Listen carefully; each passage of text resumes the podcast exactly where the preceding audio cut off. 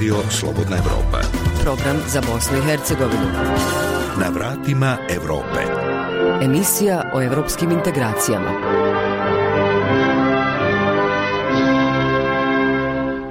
Poštovani slušalci, u izmijenjenom konceptu ove emisije prvo ćemo govoriti o obilježavanju 26. godišnjice genocida nad bošnjacima zaštićene zone UN-a u Srebrenici, počinjenog na današnji dan 11. jula 1995. godine. Ukopani su posmrtni ostaci 19 žrtava, jer su za njih prikupljene saglasnosti porodica. U Musali memorialnog centra Potočari obavljen je vjerski program, pročitana su imena žrtava, a zatim su njihovi posmrtni ostaci ispraćeni na vječni počinak. Istovremeno, najmanje 570 žena umrlo je ne dočekavši da pronađu posmrtne ostatke svojih najmilijih koji su ubijeni u genocidu. Tužnu priču pripremila Dženana Halimović. Šuhra Pašalić umrla je ne dočekavši da sahrani nijednu kost sina Muhameda ubijenog u genocidu počinjenom u Srebrenici, mjesto na istoku Bosne i Hercegovine jula 1995. godine. Čekala je da ga sahrani uz drugog sina, Mehmed Aliju, pronađenog 2004. godine. S tom je željom umrla, kaže njena kćerka Samila Pašalić. Pa kad je molila Boga da nađe kosti dok je živa, da ga sahrani. Samo majke znaju onaj koje su izgubile, ne do, ne ni, ni dušmanu da doživi o svoje djece da djeca tako nasradaju ili nešto bude. Udruženje Pokret Majke Enklava Srebrenica i Žepa, kako kaže predsjednica Munira Subašić, do sada je prikupila podatke o oko 570 žena koje su umrle da nisu našle svoje najmilije.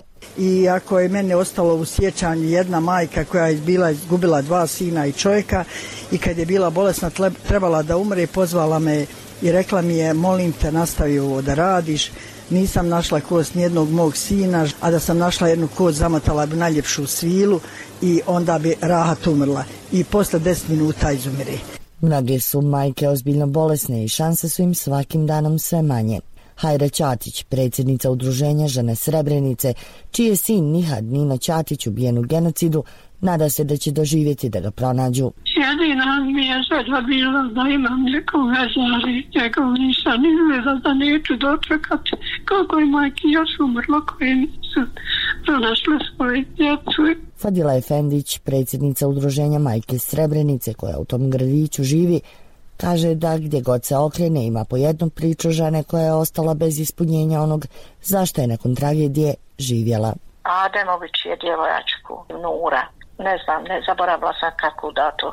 Ona dva sina, e, njoj su ubijeni. Jedan je u potočarima trgnut iz ruku, a ovaj drugi je otišao s ocem preko šumi. Nije došao ni jedan sin, ni muž. Ona je umrla. Nije više mogla da izdrži. Isto tako u mojoj neposrednoj blizini ovdje selo Đogaze znam majku koja je izgubila dva sina muža i nije, nije dočekala ni jedna kost da se ukopa. Prema podacima Instituta za nestale osobe Bosne i Hercegovine, traga se za oko 1200 posmrtnih ostataka žrtava srebreničkog genocida, dok se na prostoru cijele Bosne i Hercegovine traga za oko 7600 osoba. Emza Fazlić, glasnogovornica Instituta za nestale osobe, potvrđuje ono što i porodice osjete. Vjerujemo da sigurno postoji veći broj dakle, masovnih grobnica u kojima se nalazi još 1200 tih posmrtnih ostataka. E, međutim, jednostavno ljudi ne žele da govori šute, oni koji znaju odabir, odabiru šutnju, a, a ne da olakšaju bol porodicama i da olakšaju svoju savjest. U memorialnom centru Srebrenica Potočari do sada su ukopane 6652 žrtve genocida, dok je na drugim lokacijama, prema željama porodica žrtava, ukopano još 237 tijela. Za radio Slobodna Evropa iz Sarajeva, Dženana Halimović. Azir Osmanović je u memorialnom centru Srebrenica Potočari ukopao posmrtne ostatke svog brata Azmira, koji je najmlađa žrtva od 19, koje su konačno danas pronašle smiraj u Potočarima. Kada je ubijen imao je 16 godina. Azir, koji je preživio genocid, radi kao kustos u memorialnom centru i svakodnevno posjetiocima muzeja govori o strahotama kroz koje su prošli srebreničani, zabilježila Marija Arnautović.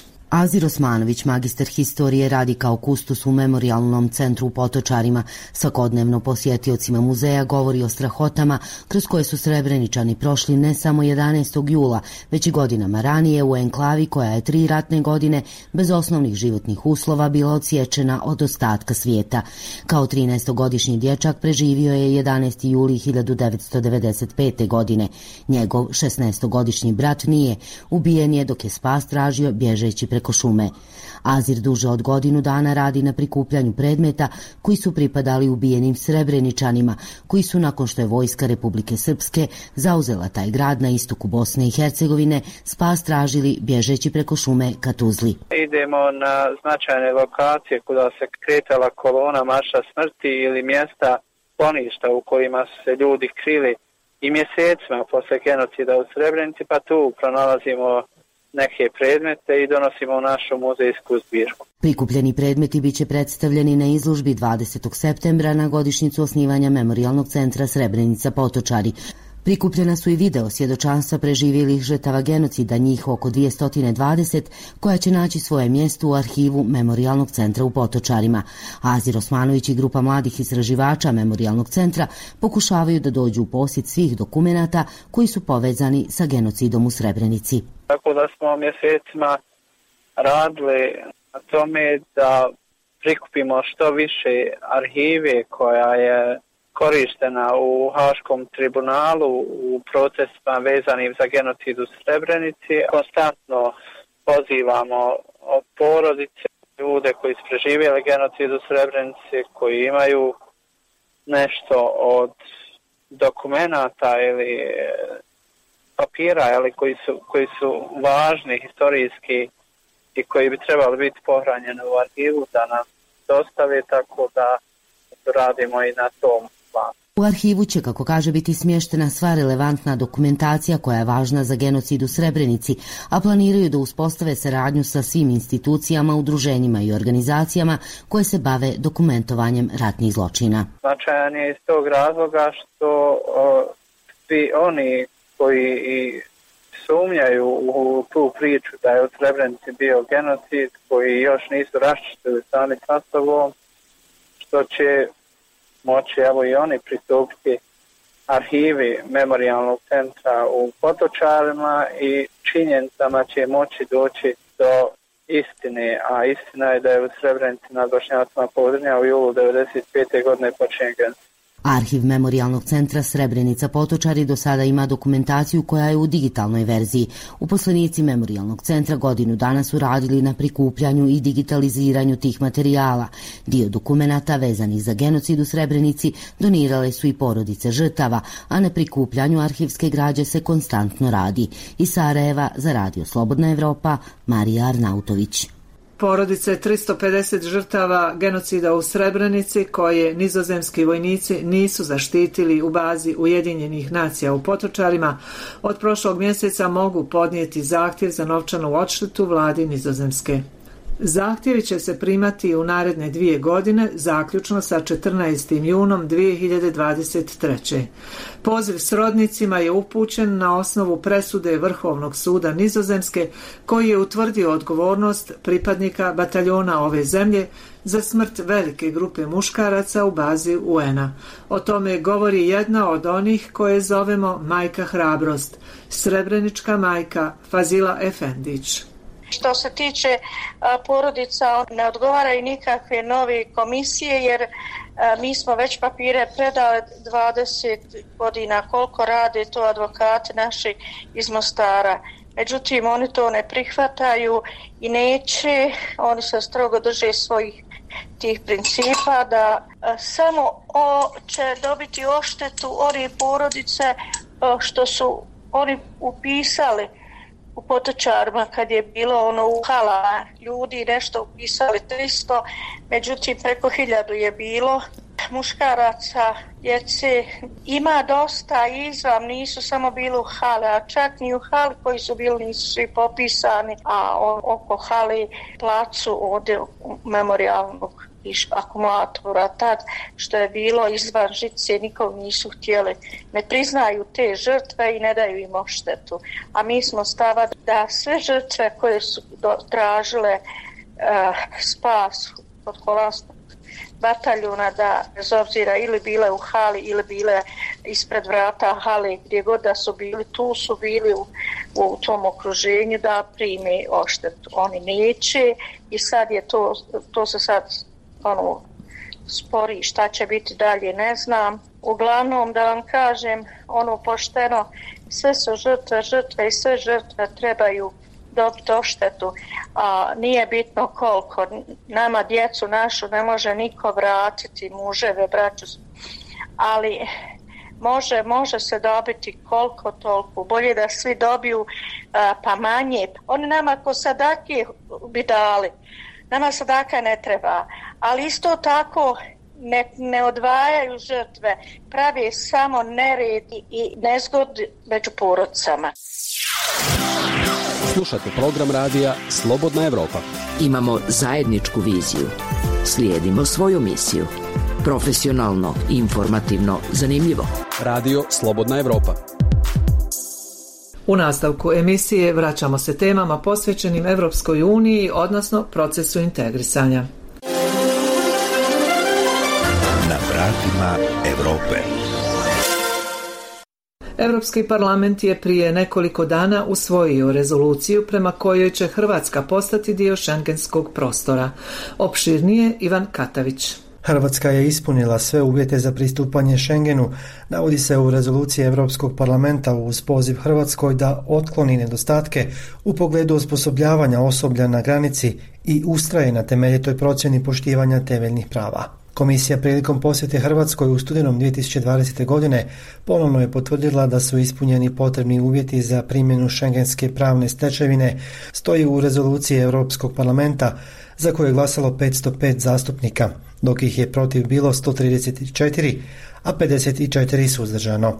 Hrvatska očekuje da bi njezino članstvo u šengenskom prostoru moglo doći na dnevni red za vrijeme slovenskog predsjedanja Europskom unijom u drugoj polovici ove godine, izjavio je hrvatski premijer Andrej Plenković. Komisija je u listopadu 2019. godine ocijenila da je Hrvatska ispunila kriterije, dok je početkom lipnja pozvala zemlje Europske unije da prime Hrvatsku u šengenski prostor. Članica Schengena su sve zemlje Europske unije osim Hrvatske, Bugarske i Rumunjske, ali četiri zemlje koje nisu u Europskoj uniji, Island, Norveška, Švicarska i Liechtenstein. U rezoluciji se navodi da se i dalje prijavljuju navodi o nasilju nad migrantima, uključujući one koji traže međunarodnu zaštitu, pri čemu nije imenovana niti jedna država članica. U tom se kontekstu ističe da Europska unija nema razvijen mehanizam za praćenje temeljnih prava na svojim vanjskim granicama, što bi trebalo promijeniti. Parlament je pozvao države članice da sprovedu preporuke Vijeća i Frontexa koji se tiču poštivanja temeljnih prava u aktivnostima upravljanja granicama, te da provode učinkovite istrage o optužbama za zlostavljanje migranata na granicama. Republika Slovenija je 1. jula ove godine preuzela šestomjesečno predsjedavanje Vijećem Evropske unije. Tim povodom u našoj emisiji govori poslanik u Europskom parlamentu Franc Bogović, inače član Slovenske ljudske, to jest Narodne stranke. Na koji način Slovenija može pomoći zemljama Zapadnog Balkana u procesu pristupanja, što je navedeno kao prioritet predsjedavanja Vijećem Evropske unije? Prvo što je bitno je to razumijevanje, jer e, ja vidim i tu baš ne razumiju dobro kakva je situacija u zemaljama takozvanog Zapadnog Balkana i tu Slovenija e, sigurno je u prednosti jer smo svi bliski, poznajemo više razmere, tako da znamo i to koliko je bitno da procesi idu dalje, ne da se stoji na mjesto kao što se stoji sad posljednjih par godina.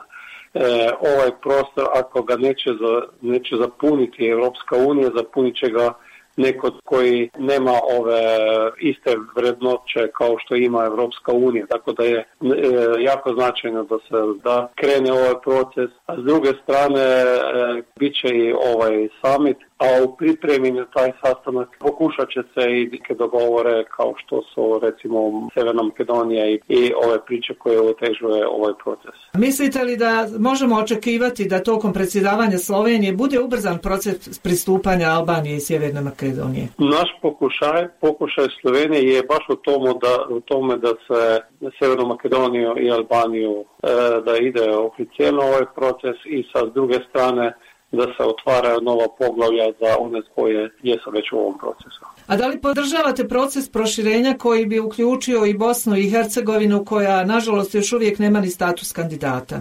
Uvijek kad pričamo o koracima, e, uvijek se priča tu i u Bosni i u Kosovu.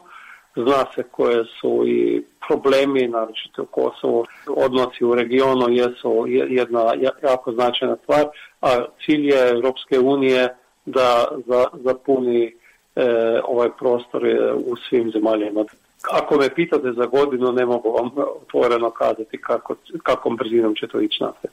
Vi ste i član delegacije u parlamentarnom odboru Europska unija Srbija. Ova korona kriza zaustavila i saradnju između ovih e, e, delegacija. Recimo, ja sam u pro, bio sam u prošlom mandatu i sad sam u delegaciji za Srbiju i prije je bilo i puno ove saradnje da smo išli kao delegacija u Srbiju, oni su dolazili e, na pola godine, mi smo išli dole za pola godine vamo. I bilo je više kontakta. I ja mislim da je ovaj parlamentarni kontakt e, nužan da se i na više razina e, radi e, sa, ljud, sa zemaljima koje prilaže. Kao što sam kazao sad u posljednjim godina, godinama to nije bilo moguće, a s druge strane isto i ova covid kriza e, do neke mjere je pokazala da direktni u Srbiji oni su e, primili vakcinu iz Rusije, iz Kine, e, iz Evropske unije, jednu vakcinu Kines prime predsjednik Vučić, Dačić Rusku, Ana Brnović Evropsku. I u tom pravcu na neki način prati se izbivanje u Srbiji koja je zemlja kandidatka za ulazak u Europsku uniju, a ima i svoju autonomnu vanjsku politiku, tako u tom dijelu ponekad ima i nekog nerazumevanja. U Europskom parlamentu dosta kritike se čulo nakon što je premijer Janša predstavio prioritete. Šta mislite o njima? Koliko su opravdane? To je naša slovenska opozicija, lijeve stranke, tu imamo i predsjednicu socijalista gospođa Tanja Fajon koja iz mjeseca u mjesec pokušava da izvozi ove, ove naše unutarnje scene u Europski parlament. Donekle je uspjelo, ali na kraju vidjeli smo i to da e, su bile najgore optužbe baš od socijalista iz Slovenije i liberala od Slovenije, da su i predsjednik ovi, e, ovi koji su zastupniki ovih partija ponekad jesu bili kritični, upozorili ali e, upotrebili su drugčiji žargon nego što su naši kolege. Tako da ja mislim da nije bilo to dobro ni za njih, ni za Sloveniju, ni za Europsku uniju da se unutarnje političke teme toliko istaknu u Europskom parlamentu. Koliko će ova COVID kriza koju ste već spominjali utjecati na opredjeljenja i prioritete Slovenije? Sigurno je COVID kriza pustila velike posljedice u, u Europskoj uniji i sad i došli smo ono vreme kad e, imamo vakcinu, sad se traži od ljudi da što više prime ove vakcine da da na kraju ne bude e, ove, opet ovog četvrtog talasa, a s druge strane fokus je isto i na gospodarskom, znači ekonomskom okrevanju i tu znamo da je sad bio prihvaćen ovi Recovery and Resilience Fund, znači da, im, da su zemlje pripremile ove programe i sad smo baš u periodu kad se odobravaju programi zemalja, tako da što prije mogu da koriste novac pomoć e, zemaljama za brži izlazak iz krize. Drago mi je bilo to što sam vidio da ove prognoze za Europsku uniju idu iz, iz mjeseca u mjesec na bolje, tako da sad e, već priča se negdje oko skoro 5% rasti za ovu godinu, tako da e, ove mjere koje je prihvatila Europska e, unija dobro su primile, a ono čega se svi plašimo je da zbog nedovoljnog vakcinisanja ne dođe do opet problema da se zatvaraju granice ili da moraju da ljudi ostaju kod kuće. Šta za Sloveniju praktično znači ovo predsjedavanje Evropskom unijom? Prvo što je svako predsjedavanje je promocija, znači ja se nadam da će i sad COVID dopustiti da mogu ljudi da dođu u Sloveniju, to je jako značajno, je tako znači prva promocija Slovenije u Europskoj uniji, stalnom predstavništvu tu u, u Bruselu imamo, prije smo imali 57 ljudi, sad ih imamo 230. Ima više stvari gdje, gdje je jako značajno za zemlju da predsjeduje i neki je to isto na kraju e, ispit ako administracija e, može da radi ovako veliki posao. 2008. dobro smo Slovenci odradili, ja sam siguran da ćemo i ove godine. Poštovani slušalci, govorio je Franc Bogović, poslanik iz Slovenije u Europskom parlamentu. Reforme za Evropu. Zamjenik pomoćnika državnog sekretara Sjedinjenih američkih država za Europu i Euroaziju Matthew Palmer tokom posjete Brčkom rekao je kako je u toj lokalnoj zajednici urađeno mnogo posla, ali i da predstoje daljnje aktivnosti, ne samo u Brčko distriktu, nego i u cijeloj Bosni i Hercegovini. Informiše Zoran Matkić. Tijekom posjete Brčkom, Matthew Palmer izrazio je zadovoljstvo do sada urađenim u toj lokalnoj zajednici, naglasivši početak značajnih infrastrukturnih projekata poput Luke Brčko, početak aktivnosti na izgradnji autoceste te mosta na rijeci Savi. Još dosta toga ostalo je za uraditi, naglasio je Palmer. Ono što predstoji kao borba ne samo za Brčko distrikt, nego i za ostatak Bosne i Hercegovine, a to je posvećenost njenih lidera borbi protiv korupcije. A u tome će im uh, međunarodna zajednica i Sjedinjene američke države biti jaka podrška. Palmer je najavio i značajnu pomoć Brčko distriktu, u okviru čega će biti potpisan memorandum, a na čijoj će realizaciji biti angažirani i američki stručnjaci. Gradonačelnik Brčko distrikta Esed Kadrić. Gospodin Palmer je došao u Brčko da podrži ili dakle da, da prepozna naša nastojanja koja mi poduzimamo u zadnje vrijeme posebno dakle u oblasti e, regulativnog okvira u distriktu Brčko koji pospješuje našu borbu protiv korupcije, uspostave institucija koja se bave sprečavanjem sukoba interesa i borbe protiv korupcije i naravno naših zalaganja na realizaciji krupnih projekata infrastrukture i realizacije poslovnih inicijativa privatnih investitora koji žele ulagati na ovom području. Osim borbe protiv korupcije i jačanja brčanskog gospodarstva, Palmer se interesirao i o mogućnostima funkcioniranja Brčkog distrikta nakon potpunog ukidanja supervizije i odlaska supervizora. Predsjednik Skupštine Brčkog distrikta Siniša Milić jer je jasno da ni distrikt Brčko, ani Bosna i Hercegovina ne mogu u evropske integracije sa institucijom ili upravljačkim mehanizmom koji dolazi iz međunarodne zajednice u evo, obliku organizacije kao što je OHR. Oni su jasno najavili da će nastaviti bez obzira na sve te promjene da pružaju podršku distriktu Brčko. Za Radio Slobodna Europa iz Brčkog distrikta Zoran Matkić. Evropski standardi za evropsko tržište.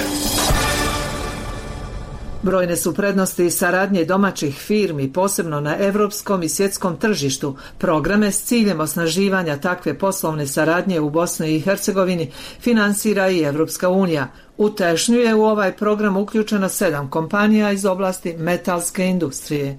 Tim povodom Arnis Grbešić. Mogu li firme sa područja tešnja zajedno razvijati i izrađivati nove proizvode, imati zajednički marketing ili transport, te druge oblike poslovne saradnje? Preciznih odgovora na ova pitanja za sad nema, ali se do njih pokušalo stići u okviru programa FabLab, koji je dio EU for Business projekta u Bosni i Hercegovini. Direktor Tešanske razvojne agencije Ismar Alagić. Mi smo jednostavno organizovali program sa 12 mladih inženjera koji dolazi iz sedam firmi iz okoline Tešnja, gdje smo i postakli radimo zajednički na razvoju novih proizvoda. Mi smo iz jedne velike grupe proizvoda identifikovali najmanje tri nova proizvoda, to je stoplotna pumpa, radno montažni sto i mehanizacija za poljoprivredne mašine. Na tom projektu organizovali smo ovih sedam firmi gdje bi svaka firma dala svoj određen doprinos u smislu proizvodnje određenih dijelova koji bi ulazili u određen složeni sklop. Danas na veoma probirljivom svjetskom tržištu nemoguće je da nastupate da nudite samo jedan proizvod najnižeg stepena složenosti, odnosno jednu poziciju. To je jedan veliki izazov za bosansko-hercegovačke firme.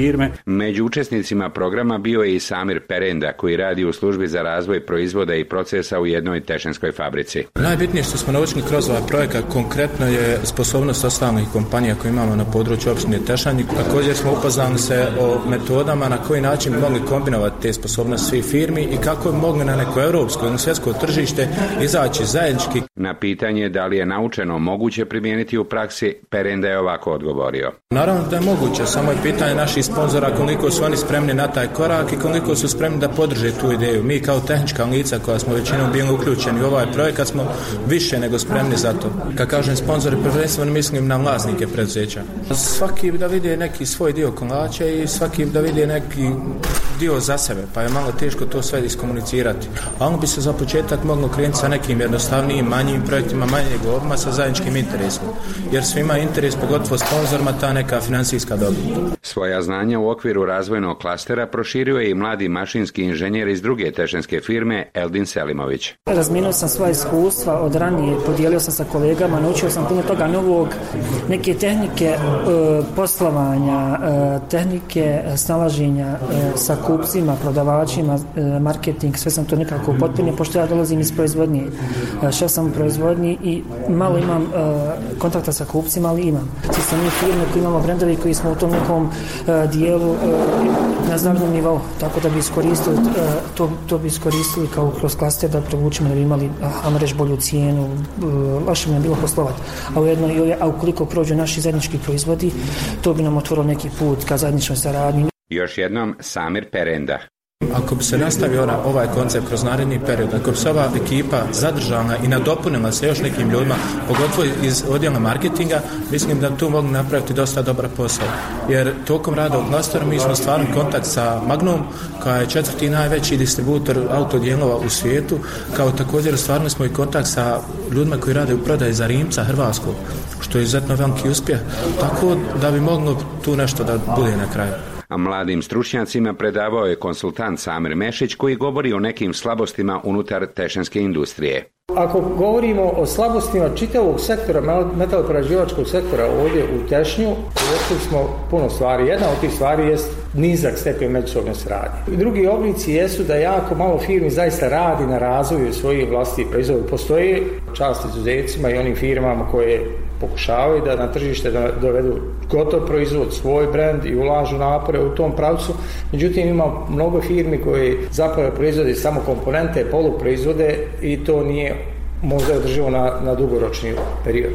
Onda, kada je riječ o automatizaciji, digitalizaciji, daleko smo iza firmi koje su u Europi i njihovih standarda. Također vidjeli smo da jako malo firmi radi ozbiljno na upravljanju svojim rizicima, gdje se aktivno razmišlja o tome kako ih umanjiti i tako dalje. Edukacija mladih inženjera u tešnju dio je projekta koji u Bosni i Hercegovini finansiraju Europska unija i Savezna Republika Njemačka. EU for Business potiče razvoj poduzetništva, izvozno orijentiranih sektora te turizma i poljoprivrede kao i ruralni razvoj s ciljem jačanja ekonomije Bosne i Hercegovine. Projekat je vrijedan oko 16 miliona eura. Još jednom direktor Tešenske razvojne agencije Ismar Alagić. U našem programu do sada je uključeno više od 50 metalopređivačkih firmi, ne samo iz Teše, nego iz cijele Bosne i Hercegovine. Zatim e, radimo značajno na povećanju stepena inovativnosti. To je pozivanje sa visokoškolskim institucijama, to je pozivanje sa srednjim školama i, i, i, o, o, sa privredom. Mi smo se obavezali da ćemo kroz ovaj projekat kreirati 30 radnih mjesta, evo nakon 12 mjeseci trajanja projekta taj broj je prevazišao 270 novih radnih mjesta u projektnom području. U firmama koje su uključene u projekat koje iskoristile jednu ili više usluga ovog projekta. Za radio Slobodna Europa iz Tešnja, Arnes Grbešić.